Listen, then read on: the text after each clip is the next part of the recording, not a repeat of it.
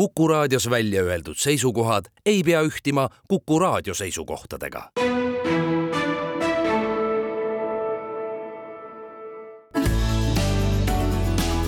keskpäevatund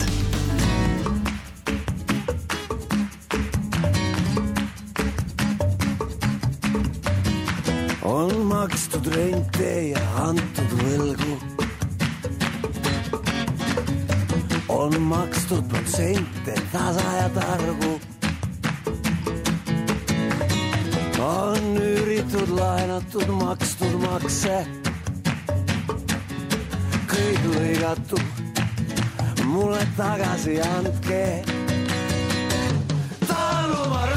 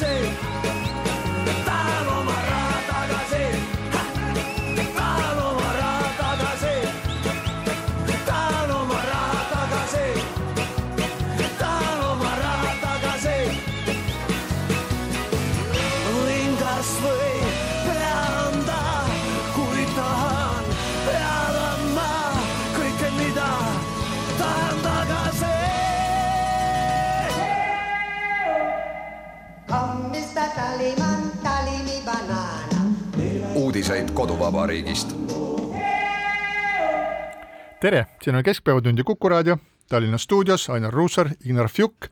ja ansambel Smilers esitas meile loo Tahan oma raha tagasi. tahan oma raha tagasi, see võiks olla lipukiri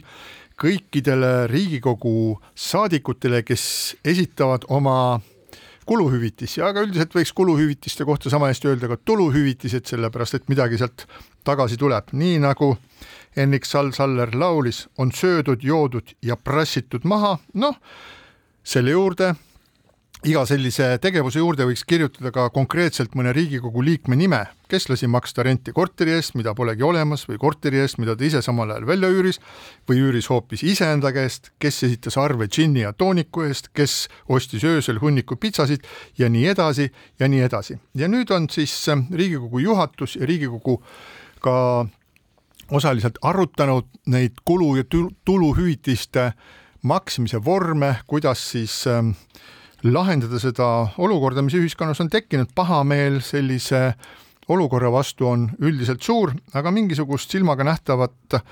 tulemust ei ole sellel kõigel siiamaani näha olnud. riigikogu juhatus istus koos, pidas poolteist tundi aru ja siis tuli sealt välja tõeliselt Lauri Hussarliku seisukohaga, on vaja leida lahendus. ja järgmine lahendus, etapp, lahenduse otsimise etapp võib siis olla kas ähm, Riigikogu vanematekogu kokkukutsumine, diskussioonid koos fraktsioonidega, millele ei saa väga suurt edu ennustada, aga igal juhul paistab, et lisaks sellele, et Riigikogu üldse on täiesti töövõimetuks osutunud, kraageldakse ka nüüd suhteliselt väiksemate summade üle ja ka siin ei ole mingisugust lahendust näha. Ma siin muidugi ütlen, et me ei saa teha üldistusi saja ühele Riigikogu liikmele nende mõnede või mõnekümne näite varal, mis siin selle koosseisu ajal meieni on jõudnud. et kindlasti on neid, kes kuluhüvitisi kasutavad normaalselt ja kuluhüvitised on ilmselt üks osa parlamendiliikme tööks vajalikust noh, nii-öelda vajalikuks töö, töö, tööalaseks tegevuseks. kui see nüüd palgale lisada, siis ma arvan, et olukord muutub selles mõttes, et palkakulusid ei pea keegi deklareerima ja seda ma üldse ei arutaks, aga see, millele sa, Priit, viitasid, et äh, milline on parlamendi töö, siis äh, ma jälgisin täitsa põnevusega neljapäevast parlamendi istungit, millel arutati EKRE algatatud olulise tähtsusega riiklikku küsimust. Kohalolijaks registreeris ennast istungi algul viiskümmend viis saadikut ja umbes pool tundi või nelikümmend minutit hiljem, nii palju kui ma kokku lugesin, oli saalis kaksteist Riigikogu liiget. see oli tavapärane Riigikogu istung. Nad ütlevad selle peale, et nad istusid oma Ja- tuvades ja, ja seal ja või puhvetis või kuskil mujal ja siis ajasid seal juttu ja töötasid aktiivselt kaasa. Üldse ongi Riigikogu tööst kõige enam tähelepanu pälvinud need nii-öelda kulu- või tuluhüvitised ja katuseraha. ma olen aru saanud, et järgmisest aastast enam katuseraha päevakorras ei ole ja ma loodan, et ka need kuluhüvitised kaovad ära. no katuseraha ei ole, aga ega see katuseraha võib tagasi tulla ülejärgmine aasta no näiteks. Ignar, noh, kuluhüvitised selles mõttes täiesti ära kaduda ei saa, selle parlamendiliikmel, Eesti mm, esindajal parlamendis, rahva esindajal on kindlasti kulusid, eks Ignar mida teab ta ei oma pea- käest, jaa. enda käest. mida ta, mida, mida ta ei pea katma oma palgast. ja loomulikult on ja ma arvan, et, et, et mingil määral võiksid ka need olla. kindlasti need ei peaks olema seotud niimoodi iga Riigikogu liikmega, kui ta võtab seda nii just nagu iseenesestmõistetavat palgalisa ja pingutavad kõik kõigest väest, et see saaks ära kulutatud. mida muud need näited ikka eh, meile näitavad, kui just seda eh, kallutatust moraalist ja eetikast Riigikogu mõne liikme puhul, aga tõesti, olles ise Toompeal üle kümne või ligi kaks-kolmteist aastat, ma ütlen, et seda kolmkümmend protsenti ära kulutada, selleks peab olema nutikust ja, ja ka kavalust ja ja kõike muud, mis ei peaks kuuluma Riigikogu liikme staatusega kokku. ettepanek on tehtud, et seda alandada kahekümne protsendile, ma kahe käega toetan seda. aga mingil juhul ma ei toeta nii-öelda seda,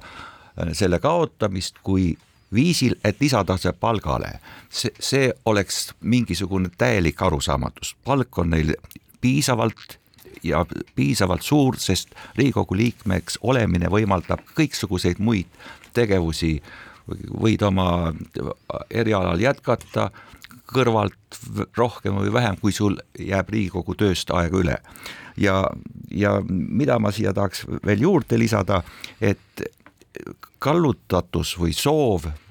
seda nii-öelda kuluhüvitistega seonduvat korda veelgi bürokratiseerida või veel detailsemaks muuta, seda ma ka nagu ei toeta.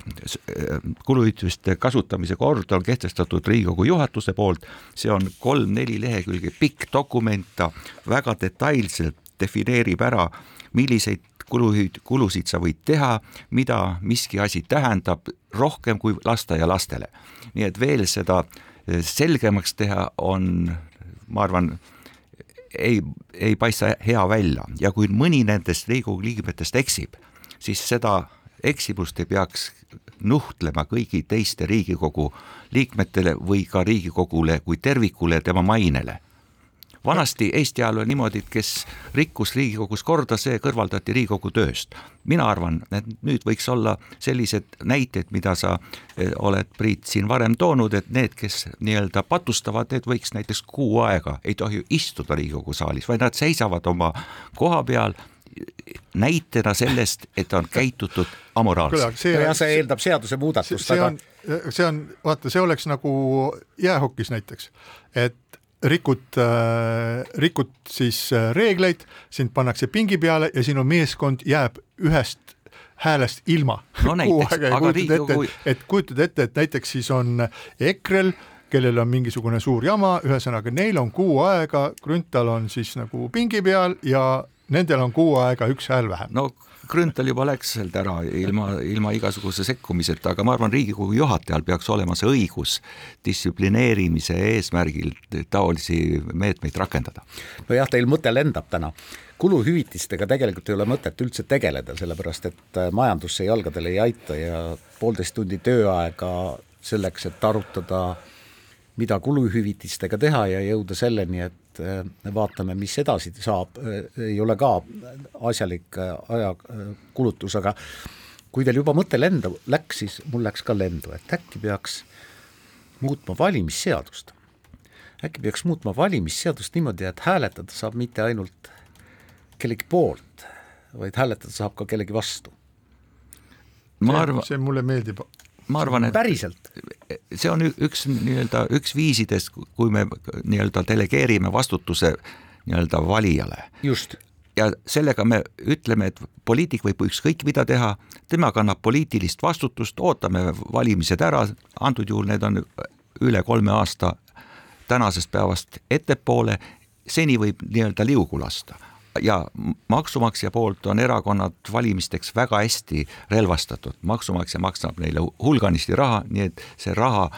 paneb kõiki valijaid unustama. kui ikka väga ilustates värvides on iga päev eetris kolm, viis, kakskümmend korda keegi, kes ütleb, et Eesti on hoitud ja kindlates kätes, küll see valija unustab kõik need patud ära no jaa, õnneks, äh, õnneks ei ole meil ainult nelja-aastane valimistsükkel, et juba kevadel tulevad Euroopa Parlamendi valimised, mis tegelikult ilmselt äh, näitavad mingisugust toetust ikkagi ka mõnele erakonnale, ehkki Euroopa Parlamendi valimised on pigem isikuvalimised kui, kui erakonnavalimised, siis tulevad kohalikud, eks ole, siis on parlamendivalimised, aga äh, Euroopa Parlamendi valimist on oluline indikaator ja mina viskan siin õhku küsimuse muide, mida ma küsisin ka eile Jüri Rataselt, aga vastust ei saanud. ta ütles, et ta kandideerib Euroopa Parlamenti, aga kas ta kandideerib Euroopa Parlamenti Isamaa esinumbrina, sellele ta ei vastanud see on muidugi provokatsioon, võiks öelda, Isamaa esinumbrina, sellepärast et noh, kui vaadata need viimaseid vastuseid, mis Jüri Ratas on andnud kas või äh, Äh, Postimehe ajakirjanikele selle kohta, kuidas tema näeb olukorda Keskerakonnas praegu arenevat, siis äh, siis ta ütleb, et ma põhimõtteliselt annab mõista, et ma ei sekku, ma vaatan kõr-, kõrvalt, äh, erakonna ühtsus on vajalik, aga ma olen murelik, nii et no ütleme nii, et ja, ja ma mõtlesin just nimelt sedasama, et sellest kõigest ei paista väga suurt veendumust ega usku Keskerakonna tulevikku, Jüri Ratas on nimekas poliitik, tal on omad sellised rollid, mida ta kannab hästi, omad rollid, mida ta hästi ei kanna, nii et äh, kui äh, ka meenutame lihtsalt seda, et äh, ka Winston Churchill vahetas erakonda, brittide juures on teatavasti ainult kaks võimalust, oled sa konservatiiv oled liberaal, ka tema on vahetanud erakonda, nii et kui Jüri Ratas otsustab kunagi erakonda vahetada, et siis, siis tema poliitiline karjäär tõenäoliselt kestab kauem ja, ja perspektiivi on rohkem. no jaa, aga kui poliitikud armastavad, poliitikud armastavad öelda, et tegelikult peegeldab ikkagi erakonna populaarsust ja toetajaid valimistulemust, neil on õigus, ja et neid, need iganädalased uuringud erakondade toetuse kohta üldse nagu mm, ei huvita, siis mind küll huvitavad. ja Isamaa tõus on ikkagi väga märkimisväärne. Isamaa populaarsus lõppeval nädalal oli peaaegu sama suur kui Reformierakonnal et äh, see on tegelikult väga paljude jaoks natukene müstiline, et äh, Isamaa on tõepoolest teinud paari kuuga väga võimsa hüppe ja ilmselt ainult mitte tänu Keskerakonnast Isamaasse läinud poliitikutele, vaid noh, võib-olla ka erakonna juhi noh, sellisele teatud karismale. teatud karisma, jah. aga pigem sellest, millest see meie saatelõik Ratast puudutas, ma teeksin ühe sellise ennustuse või, või sedastuse, et, et see, et üks erakond on mingisuguses langustrendis ja, ja ta ja puudutab põhja, siis ta jälle komeedina kerkib, siis seesama Isamaa näide on ju, üheksakümnendatel oli ta kord nii madalal, et päästis ainult liitumine RSP-ga ja IRL-i järgselt liitumiselt jälle mindi sügavale alla samamoodi on ka ennustatud Keskerakonnale küll hukku, küll hääbumist ja tänane seis ka väga paljude kommentaatorite arvates on tõsisem kui kõik eelnenud. aga erakondadel on üks täiesti arusaamatu omadus või oskus ka mustast valget teha, kõige ebameeldivamast ja halvemast olukorrast välja tulla, nii et ma ei ennustaks valesti, kui ma julgeks öelda, et ühel päeval on Isamaaliit jälle või Isamaa on jälle põhjas ja, ja mõni teine erakond on laes. no poliitika põhiline selline kriteerium on ju rotatsioon et äh, see on kas, kas see, et kes on äh, riigitööri juures, kes on koalitsioonis, kes on opositsioonis, aga see samas tähendab ka tõuse ja langusi, nii et äh, kui seda ei oleks, et üks erakond ei tõuse ega lange, vaid, vaid püsib, siis ütleme, et siis see ei ole demokraatia, see näitab, et see ei ole demokraatia, siis see on Hiina kommunistlik partei või see on Venemaa, ühtne Venemaa, siis on need asjad niimoodi, kui aga asjad vahelduvad, siis minu meelest demokraatias on enam-vähem asjad korras nüüd äh, see Isamaa tõus on kindlasti seotud äh, Reformierakonna langusega, sellepärast et äh, Isamaa ja neid toetaja hääli kuskilt endale juurde võtab. Keskerakonna langusega ka. jah, Keskerakonna langusega ka, et kuskilt võtab Isamaa neid hääli juurde tõenäoliselt siis Reformilt ja, ja võib-olla EKRE-lt mitte, sellepärast EKRE valijad on väga siis äh, selgelt orienteeritud ühele seisukohale, aga Keskerakonnalt kindlasti, Keskerakonna küljest võib siis ära pudeneda neid inimesi, kes on avastanud oma südames, et nad tegelikult on kogu aeg olnud isamaalased, kuigi nad on juba kümneid aastaid olnud Keskerakonnas, et viimased nädalad on meil, meile neid äh, nimetusi toonud. Ja viimane lahkuja oli siis Taavi Aas, väga-väga selline nimekas äh, Savisaare kooliga vuntsikandja. no ma selles suhtes ei teeks küll neile keskerakondlastele etteheiteid, et nad on leidnud endas järsku isamaalist ollust ja ainest, sest Isamaa viimased aastad on ju demonstreerinud kõike muud kui senist konservatiivset parempoolsust. Nende lahked lubadused tõsta seda toetust, teist toetust, kolmandat toetust ja nii edasi, on ju just see, mille mida on kalastanud ka väga paljud Keskerakonna äh, poliitikud ja Keskerakond tervikuna eelnenud aastatel, nii et see nii-öelda üleminek on praktiliselt nii-öelda sarnaselt paadilt sarnasesse paati, lihtsalt juht on teistsugune. kas Isamaa, Isamaa reitingu tõus ei ole ikkagi selles, et tegelikult neil on õnnestunud osa EKRE toetajaid enda hulka meelitada sellega, et tegelikult noh, Isamaa ikkagi jutustab sellist äh, sarnast konservatiivset maailmavaadet, ainult et natuke läänelikumalt ja natuke mõõdukamalt. seda oskaks võib-olla öelda siin mõni politoloog või, või Martin Mölder, aga üldise, üldine konsensus on see, et väga kindlalt välja kujunenud äh, toetajad on Reformierakonnal, osaliselt sellepärast, et, et küsitlused, mis tehti siis äh, eelarvekavade kohta, näitasid, et need Reformierakonna valijad äh, toetavad, neile olid need muudatused meelepärased. Äh, Keskerakonnal on traditsiooniliselt olnud väga kindel valijaskond, aga see muudatus on seal praegu see, et äh, kuna Keskerakond ilmselt on teel siis Vene parteiks muutumisele, siis eestlastest liikmed pöörduvad sealt ära, see juhtus ju Rakveres ja väga paljudes kohtades, kus võib-olla minnakse suurema, suurema pundiga ära, nii et see on kindlasti võimalik, aga, aga Reformierakonna puhul, eh, kui me vaatame neid põhjuseid, miks Reformierakonna populaarsus langeb, siis eh, Reformierakonna populaarsus loomulikult ei lange selle, sellepärast, et Isamaa populaarsus tõuseb, vaid sellel on omad pigem vastupidi. pigem vastupidi, jah. et, et meenutame siis Kaja Kallase abikaasa idavedude skandaali, mis on siis üks nagu oluline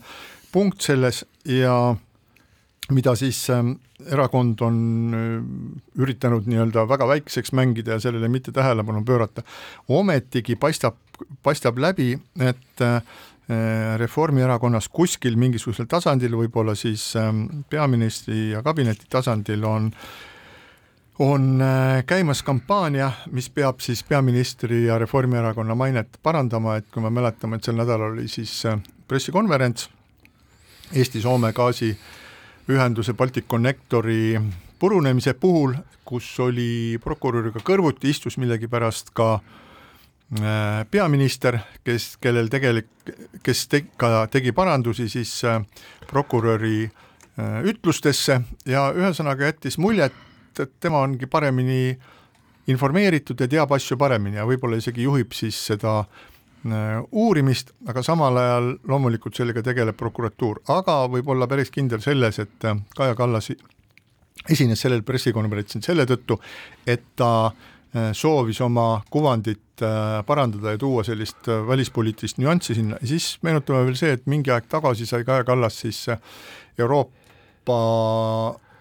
liidust sai siis Euroopa aasta kodaniku tiitli. mida ta ka korduvalt Riigikogu kõnetoolist just nimelt, neid, neid tiitleid ei anta nii, et äh, see ei ole kellelgi üllatus, riigid võistlevad nende nimel, teevad oma pakkumisi, seal käib äh, kõva lobi, lobi selle taga ja räägitakse ka sellist lugu, et kitsamas ringis Reformierakonnas on äh, peaminister Kaja Kallas öelnud välja, et vaadake, vaadake, mul on neid kõrgeid välismaalt saadud auhindu veelgi tulemas, mis omakorda näitab seda, et äh, tema maine parandamisega tegeletakse ka selliste vahenditega ja no ütleme nii, et kui me nüüd järgmiste nädala või, või kuude jooksul näeme, et äh, Kaja Kallas on saanud taas mõne, mõne Euroopast või kuskilt mujalt talle antud äh, auhinna, mis teda poliitikale tunnustab, siis me võime öelda, et äh, Keskpäevatund on järjekordselt rääkinud tõtt. jah, ja Reformierakonna kahekümneprotsendiline toetus muidugi ei ole midagi erilist, Keskpäevatund rääkis ka kaks tuhat kakskümmend üks aasta lõpus sellest, et Reformierakonda toetab, toetus on langenud kahekümne protsendi peale ja tookord olid põhjuseks siis tegelikult energiakriis ja, ja päris suured hinnad. nii et ega siin ei ole midagi. Äh, saab, saab näha, milline on see automaksu mõju. Tegelikult äh, noh, see ei hakka kehtima järgmisest aastast, järgmisest aastast hakkab kehtima käibemaks ja sellel on ka oma mõju, aga saab näha automaksu mõju, ma vaatasin, et äh, Reformierakonna valijatest nelikümmend protsenti elab maal, nii et tegelikult see võib ka kuidagi mõjutada. Lätit oleme ikka aastaid, aastakümneid seadnud halvaks eeskujuks, sest seal on olnud nii-öelda vene erakonnad, Vene parteid ja on kirjeldatud seda nii-öelda halva mõjuna üldse ühiskondlikule kliimale ja kõiksugustele protsessidele, mis on olnud Läti ühiskonnas. meile oleme, me oleme seni sellest saanud noh, nagu hoiduda, teeneks on peetud ka Edgar Savisaar, kes oskas nii-öelda kahe kogukonna vahel kavalalt niimoodi liikuda ja, ja olla usutav mõlemale poolele tänane see oht, et äh, Keskerakonnast võiks kujuneda Vene erakond, ma arvan, see oht on võib-olla suurem kui mõni aasta varem, aga ma siiski eeldan, et, et äh, erakondades olevad liikmed on üsna üsna loiud oma sellise initsiatiivi näitamisel, et erakonnast lahkuda ja, ja nad ei ole ju erakonnaga kuidagi rohkem seotud kui et nad on seal nimekirjas, nad ei maksa üldiselt makse, nad ei osale rohkem kui mõnes vallas või mõnes mõnes jah, mõnes vallas volikogus ja see on ka kõik, nii et et üldine kuvand jääb, ma arvan, ikkagi endiseks ja see on Eestil hea, kui Keskerakonnast ei saaks Vene erakonda. jah, aga kus on Keskerakond kõige populaarsem, on Tallinn, Maardu ja Narva me üldse ei maininud siinkohal Eesti kahtesadat, mis äh, minu meelest on täiesti sümptomaatiline, ta ongi juba nii-öelda pildilt äh, välja kukkunud, et Eesti kakssada eksisteerib siis äh, avalikkuses ainult Lauri Hussari kujul ja see on väga halb eeskuju. mis on väga halb, aga ka, ka haridusminister Kristiina Kallase näol, mis on minu meelest väga hea, sellepärast et ta on tõhus, minu, minu silmis ta on tõhus, hea uue laine poliitik, et kui Eesti kakssada on midagi head Eestile andnud, siis ma arvan, Kristiina Kallas kui, kui riigi tasemel poliitik on kindlasti üks see asi, aga ma Savisaare kohta ütleksin seda, et Savisaar ju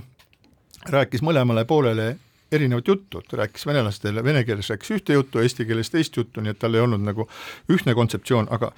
Keskerakond ei olegi probleem nii-öelda riigi tasandil, Keskerakond on probleem suurim omavalitsuse tal-, Tallinna tasandil. Ja kui me noh, vaatame seda, et sisuliselt on siis kogu Tallinna juhtimine, kõik olulised positsioonid ähm,, abilinnapeade ja muude isikute osas on läinud vene, venekeelsete nimedega isikute kätte, siis äh, see on kahtlemata mingisugune märk. aga Tallinnas ja Tallinna volikogus nii kiirelt muudatusi kindlasti ei tule. jaa, aga Keskerakonna fraktsioon Tallinna volikogus on jäänud väiksemaks ja võib-olla jääb veel väiksemaks. Neil on ainult neli häält veel üle ja nii, nagu ka Postimees kirjutas, et käib väga aktiivne häälte üleostmine ja kangutamine, kuigi äh, selle tulemuseks oleks siis see, et äh, tõenäoliselt oleks selle tulemuseks see, et äh,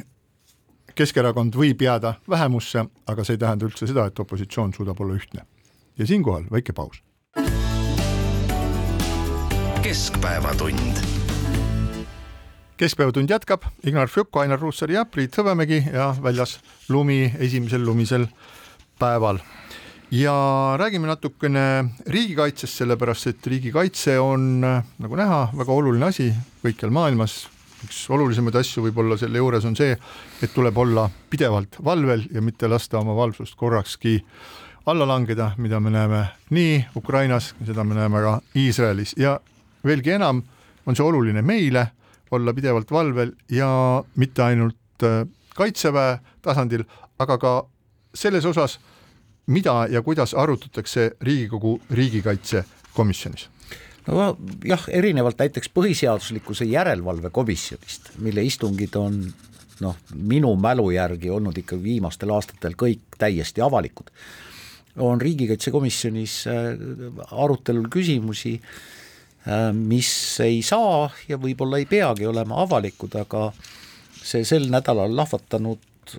ma ei ütleks skandaal, aga, aga noh, teadmine, et riigikaitsekomisjoni äh, mõned liikmed ei ole rahul riigikaitsekomisjoni juhtimise ja töökorraldusega, noh, tekitab võib-olla suurema küsimuse, et kas kuidagi üldse peaks reguleerima mõne parlamendikomisjoni tööd ja töökorraldust ja kuidas seda teha, seda saab ikkagi teha komisjon ise. no mina lugesin seda uudist põnevusega ja ei osanud seda kuidagi teisiti kvalifitseerida kui tormiks veeklaasis. nimelt kindralmajor Meelis Kiili Riigikogu või Riigikogu riigikaitsekomisjoni liige tegi teatud pöördumise, kas siis komisjoni liikmete poole, hiljem see lekkis ajakirjandusse selle kohta, et see komisjon kuus kuud on möödunud valimistest, ei tööta täistuuridel. selline asi ei leki, sellist asja lekitatakse. jah, ja, talle tundub, et midagi on süst-, süsteemselt selle riigikaitsekomisjoniga valesti. ja kuivõrd seda lekitati ja see lekkis, siis komisjoni esimees Kalev Stoicescu tegi sellest nagu kaks järeldust. esiteks, et sellest lehk, sellest lekkest on saanud kahjustada nii komisjon kui ka terve Riigikogu maine ja teiseks väitis, et ta on kolm korda pöördunud Meelis Kiili poole, et seda teemat siis komisjoni istungil arutada, kuid kõigil kordadel on Meelis Kiili öelnud, et kahjuks ta ei saa osaleda komisjoni selle äh, istungi töös. tsiteeri, tsiteerides kuulsat filmi, ütleme nüüd let's analyze this jah, ja, ja, ja mida siis selle kohta võiks öelda, mina arvan, et mingisugust mainekahju äh, komisjon ega Riigikogu sellest ei ole saanud, kui, kui ajakirjandus käsitleb teatud ebakõlasid või mitte head koostöövaimu ühes Riigikogu komisjonis, kus ei ole avaldatud riigisaladusi, see on iseenesestmõistetav ajakirjaniku kohus ja, ja kui maine on kahju saanud, siis pigem seetõttu, et me saame teada, et on komisjoni liikmeid, kes süstemaatiliselt ei osale komisjoni töös, vaid leiavad põhjuse seal mitte osalemiseks, kuigi kui küsitakse, et miks Riigikogu liikmed ei ole täiskogu istungil, öeldakse, aga töö ju toimub komisjonides, tuleb välja ka komisjonides ei toimu tööd. ja mina näen ikkagi seda ka nagu sellest vaatevinklist, et Meelis Kiili kui nii-öelda elukutseline sõjaväelane eeldabki, et ka Riigikogu komisjonis ütleb komisjoni esimees liikmetele ette, mida nad peavad ütlema, mida nad peavad tegema, kuidas nad peavad mõtlema ja kui seda ei ole, siis rivitult, siis Riigikogu liige komisjonis ei peagi töötama. nii et kordan uuesti, see on torm veeklaasis ja kui küsiti Riigikogu vastava komisjoni liikmetelt, kas nad tahaksid esimeest vahetada, siis kõik ütlesid mingil juhul mitte. komisjoni esimees on oma tööga hästi hakkama saanud. milleks see nagu arutelu, siis üld paistab, et nagu on tekkinud jälle mingisugune arutelu millegi üle, aga tegelikult ei olegi millegi üle arutada ja meie oleme ka kulutanud juba mingi viis minutit selle peale ära. aga sellel äh, nädalal oli üks huvitav dokument, Eestis selliseid ühispöördumisi, ühiskirju väga tihti ei äh,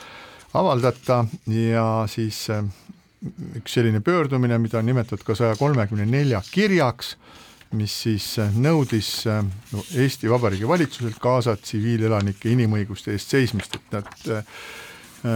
Iisraeli ja Hamasi sõda on kohutav, see on toonud juba praeguseks, ma arvan, et oh, inimohvrite arv lang-, läheneb seal kümnele tuhandele, see toimub ühest küljest meilt, meist siiski väga kaugel, aga teisest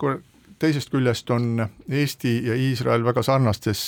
situatsioonides, mõlemad oleme väiksed riigid väga suure, suurte ja vihameelsete naabrite kõrval. Ja nagu me teame, siis Hamasi rünnak äh, viis äh, tuhat nelisada inimelu, Iisraelist inimesi tapeti nagu lambaid äh, automaaditulega, lõigati lastel kõrisid läbi nende hällides, tulistati automaadist äh, kontserdil viibivaid noori ja nii edasi ja nii edasi, et see oli tõesti kohutav ja nüüd on siis Iisrael asu-, asunud hävitama seda Hamasi ja siis üle saja Eesti ühiskonna tegelase nüüd nõuab valitsuselt kaasa tsiviilelanike inimõiguste seismist. Ja ma ütleks nüüd see, see pealkiri, mis on Delfis, et üle saja Eesti ühiskonna tegelase, vabandage, ma vaatasin läbi kogu selle nimekirja ja selles nimekirjas oli ühiskonnategelasi võib-olla parimal juhul kolm, äkki oli viis ja ülejäänud olid lihtsalt ühed inimesed, nii et ma üldse soovitaksin siin nagu mõelda selle üle, kes on ühiskonnategelane, millist rolli ta ühiskonnas siis peab täitma selleks, et ühiskonnategelaseks saada, kui sa oled algaja ei tea mis ja siis, või aktivist ja kirjutad millelegi asjale alla, siis sa ei ole sellest ühiskonnategelane kaugeltki mitte. ma inimlikult saan selle kirja mõttest ja eesmärgist aru, aru, ehkki ma ei, kindlasti ei kirjutaks ise sellisele kirjale alla, mis nõuab kuidagi Eesti valitsuselt Gaza tsiviilelanike inimõiguste eest seismist, mis on kindlasti probleem. aga noh, selle, nende allakirjutanute hulgas oli siiski ikkagi noh, nii mõnigi nimi, mis äh, on tuntud, Asso Krull, Henrik Kalmet, Hille Hanso, Krista Mulenok, Eesti NATO ühingu juht muide Tõnis Saarts äh, ja nii edasi, nii et äh, kõik need sada kolmkümmend neli nime ei olnud tundmatud, aga muidugi sõda Gazas on tragöödia ja, ja loomulikult äh, nõuab sõda alati ohvreid ja see, mida Iisrael teeb äh,, et oma vastaseid, kes Iisraeli ründasid, Iisrael ei rünnanud neid, et oma vastaseid hävitada, nõuab ka mm, tsiviilohvreid, see on, see on tõsine probleem, ma olen nõus. aga milline saab siin olla Eesti roll, mida sada kolmkümmend neli inimest, kes selle kirja Eesti valitsusele saatsid, see on äh, üks küsimus ja teine küsimus on ikkagi see, et mina küll ei ole nõus nendega, kes kas või kaudselt õigustavad Hezbollat või Hamasi tegevust. ma olen nõus, ma olen nõus sellega, et Gaza sektoris on väga raske ka maailma ühel parimal salateenistusel ja maailma neljandal armeel eh, vahet teha, kes on terrorist ja kes mitte. et eh, tõepoolest, seda on raske vahet teha, aga, aga Iisraeli ründas terroriorganisatsioon. Noh, see terroriorganisatsioon on aastaid tagasi, see võis olla kümme-viisteist aastat tagasi, võtnud ähm, jõuga Hamasi või selles Gaza sektoris võimu, kusjuures siis toetas neid kolm-nelikümmend protsenti, nüüd neli-viiskümmend protsenti Gaza elanikest. Nii et see on väga keeruline eh, seis, vähemalt meie, meile mõistmiseks, sest see religio-, religiooniga seonduv on vähemalt minule täiesti arusaamatu, miks see paneb inimesi tapma teisi inimesi, ennast ohverdama suitsiidiga suitsiiditerrorismiga, nii et see on selline maailm, mis jääb mulle ja ma arvan ka meile kes me siin elame ja ka ilmselt neile, kes sellele kirjale sada kolmkümmend neli alla kirjutatud, mõistmatuks. lõppkokkuvõttes väga ümmarguseks, aga ma tahaksin meelde tuletada, et et Hamas ründas ootamatult Iisraeli, tappis inimesi nende voodites, hävitas mehi, naisi, lapsi, viis üle kahesaja inimese äh, ära, võttes need pantvangiks, nii et äh, hakata siin rääkima, et jah, see ei ole küll tore, aga ja see aga ongi seesama probleem, et me võime arutada, täpselt samamoodi hakata arutama siis nagu Venemaa ja Ukraina sõja osas, et jah, et äh, pole ilus, mida Venemaa tegi, aga vaadake ja siinkohal väike paus. keskpäevatund. keskpäevatund jätkab, Ignar Fjuk, Ainar Ruussaar ja Priit Hõbemägi, räägime nendest, kes on meile kõige tähtsamad, kes on meile elus olnud erakordselt tähtsad ja need on õpetajad, kes on õpetanud meid, meie vanemaid, kes õpetavad meie lapsi ja kellest lõppkokkuvõttes sõltubki see, et milline on Eesti nägu, uue Eesti nägu. Ja väga palju on räägitud sel sügisel õpetajate palkadest, ka õpetajate vähesusest, nüüd äh, tänases Postimehes on üks artikkel sellest, kuidas üks noor, noor äh, õpetajahariduse saanud noormees äh, siis reaalteaduste alal pani, riputas üles kuulutuse selle kohta, et ta vaatab endale töökohta välja ja mattus siis tööpakkumiste laine alla, kus oli küll mitmesuguseid, küll keegi ütles, et me oleme täitsa hädas, et me oleme ilma teieta oleksime põlvil ja põlvili ja teised, et tulge aga meile ja sellised ja sellised soodustused, nii et, nii et äh, sarnase juhtumina meenub mulle sellist Eesti lähiajaloost ainult siis äh, Indrek Tarandi äh, ülikooli lõpetamine, kui ta lõpetas Tartu Ülikooli, siis ta pani Eesti Ekspressi Äh, pani sellise kuulutuse, mis kõlas umbes nii, et ülikooli lõpetanud Indrek Tarand võtab vastu soodsaid tööpakkumisi ja paistab, et kui sa paned sellise kuulutuse kuskile lehte, et siis sa neid ka saad. nojah, äh, teatud erialaõpetajatest on tõepoolest puudu, see puudutab mõnda omavalitsust rohkem, mõnda omavalitsust vähem, aga tegelikult koolipidaja vähemalt äh, põhikooli lõpuni on ikkagi omavalitsus ja õpetajate palgast on palju räägitud, õpetajad nõuavad palka juurde vähemalt kaheksa protsenti või ka vähem, kui lepitakse kokku lisaks eh, konkreetne palgatõus järgmisteks aastateks, see on kõik õigustatud, eh, nad protestivad ja nii edasi, aga juba praegu on õpetajate palk ikkagi väga erinev ja see sõltub kohalikust omavalitsusest. Jõelähtme valla üldhariduskoolide õpetajate palk, loen ma ajalehest, on sada kolmkümmend üks protsenti riigi keskmisest palgast ehk siis kaks tuhat kolmsada üheksakümmend neli eurot bruto, brutoeurot. ja, ja samas on Rakveres näiteks õpetajate palk tuhat seitsesada nelikümmend eurot. et mis ei ole tegelikult selles mõttes nagu normaalne olukord, et õpetaja on õpetaja. me eeldame, et kõik õpilased saavad enam-vähem samal tasemel haridus, hariduse sõltub nende andest, sõltub see, nende see ongi see ühtsus või ühtluskool, mis meil siin on. just, ehk siis tegelikult see õpetaja palga äh, juurdenõudmine on igati õigustatud, aga see õpetajate tänase palga maksmine, mis on omavalitsuste äh, kaudu erinev, ei ole ka hea, et siin peaks olema mingi lahendus. kas näiteks teha ikkagi nii, et õpetajate palka maksab riik, mitte omavalitsus. Et ei jääks kõlama see paar näidet, mida sa, Ainar, tõid, et kuskil makstakse üle keskmist, siis millegipärast äh, statistika, Statistikaameti andmete järgi on äh, õpetajate keskmine palk üle kahekümne protsendi väiksem kui kõrgharidusega töötajatel keskmiselt ja üheksakümmend kuus protsenti Eesti koolidest, üldhariduskoolidest on hädas õpetajate leidmisega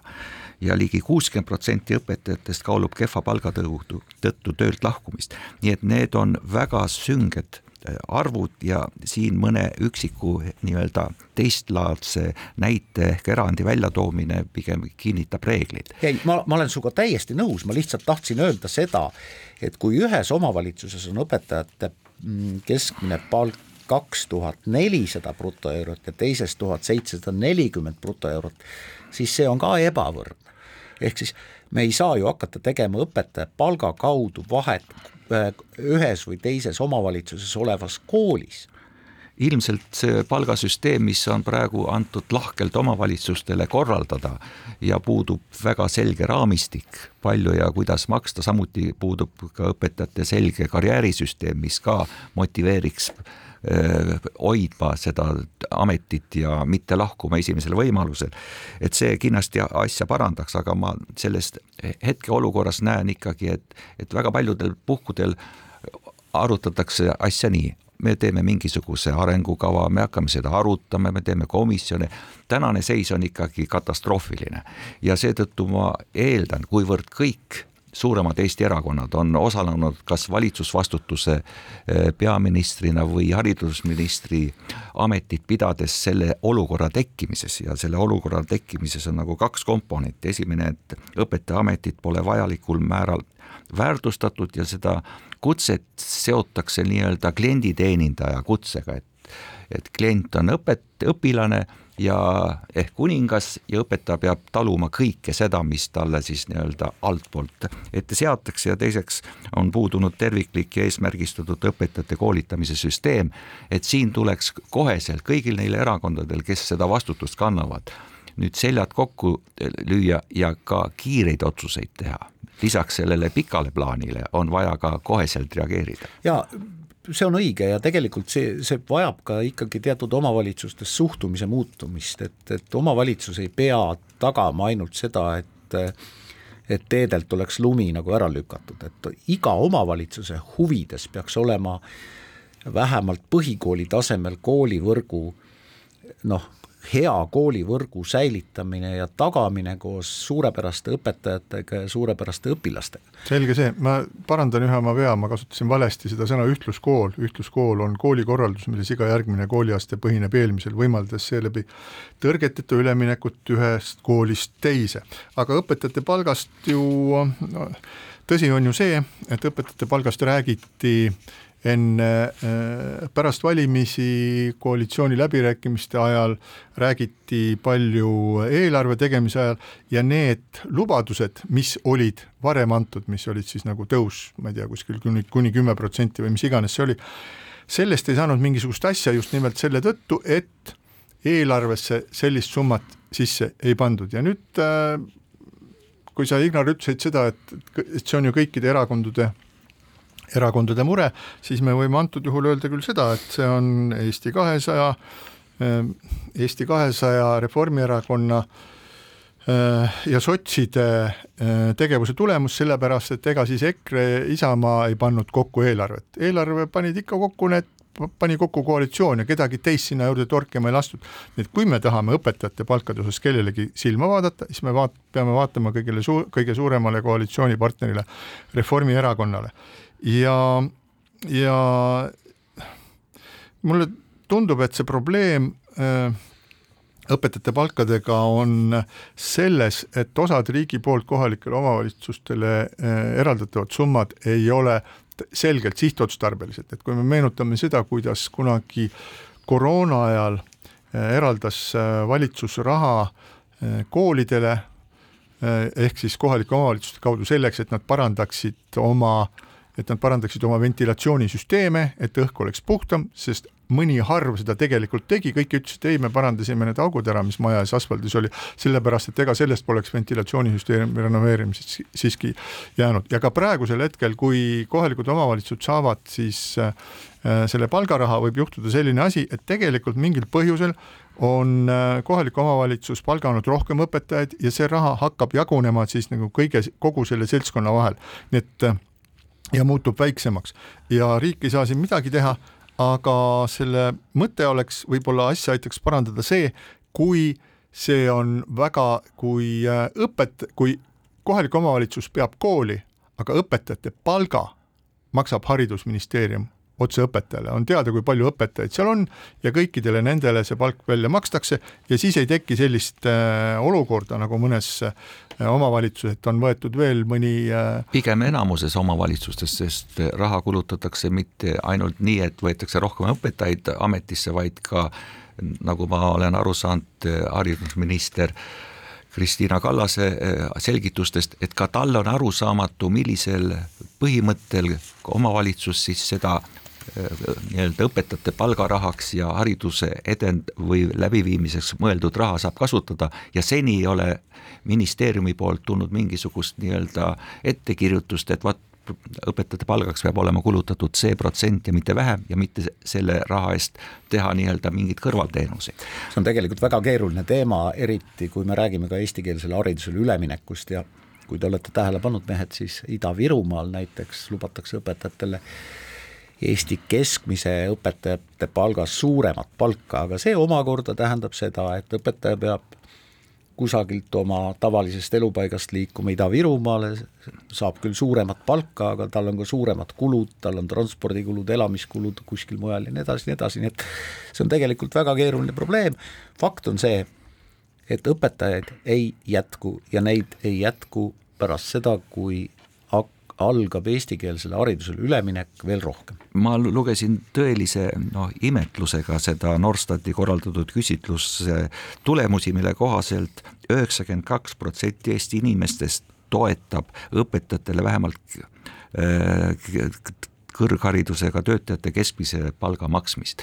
see on tohutu solidaarsus, see on massiivne surve ja mida sellest võib järeldada,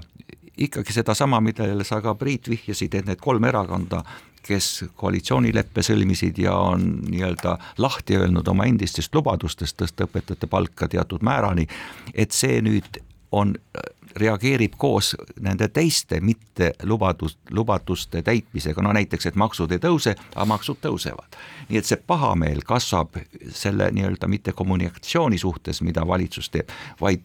oma sõnamurdmatuse ka seotus. õpetajate palk tõuseb ka natuke üle ühe protsendi. ja siin saate lõpuks võiks meenutada veel sellist äh, kummalist lugu, mis on siis seotud jälle Nordicaga, et äh, teatavasti on äh,, me oleme rääkinud siin Nordicast ja selle ümber tiirelnud kummalistest tegelastest väga palju,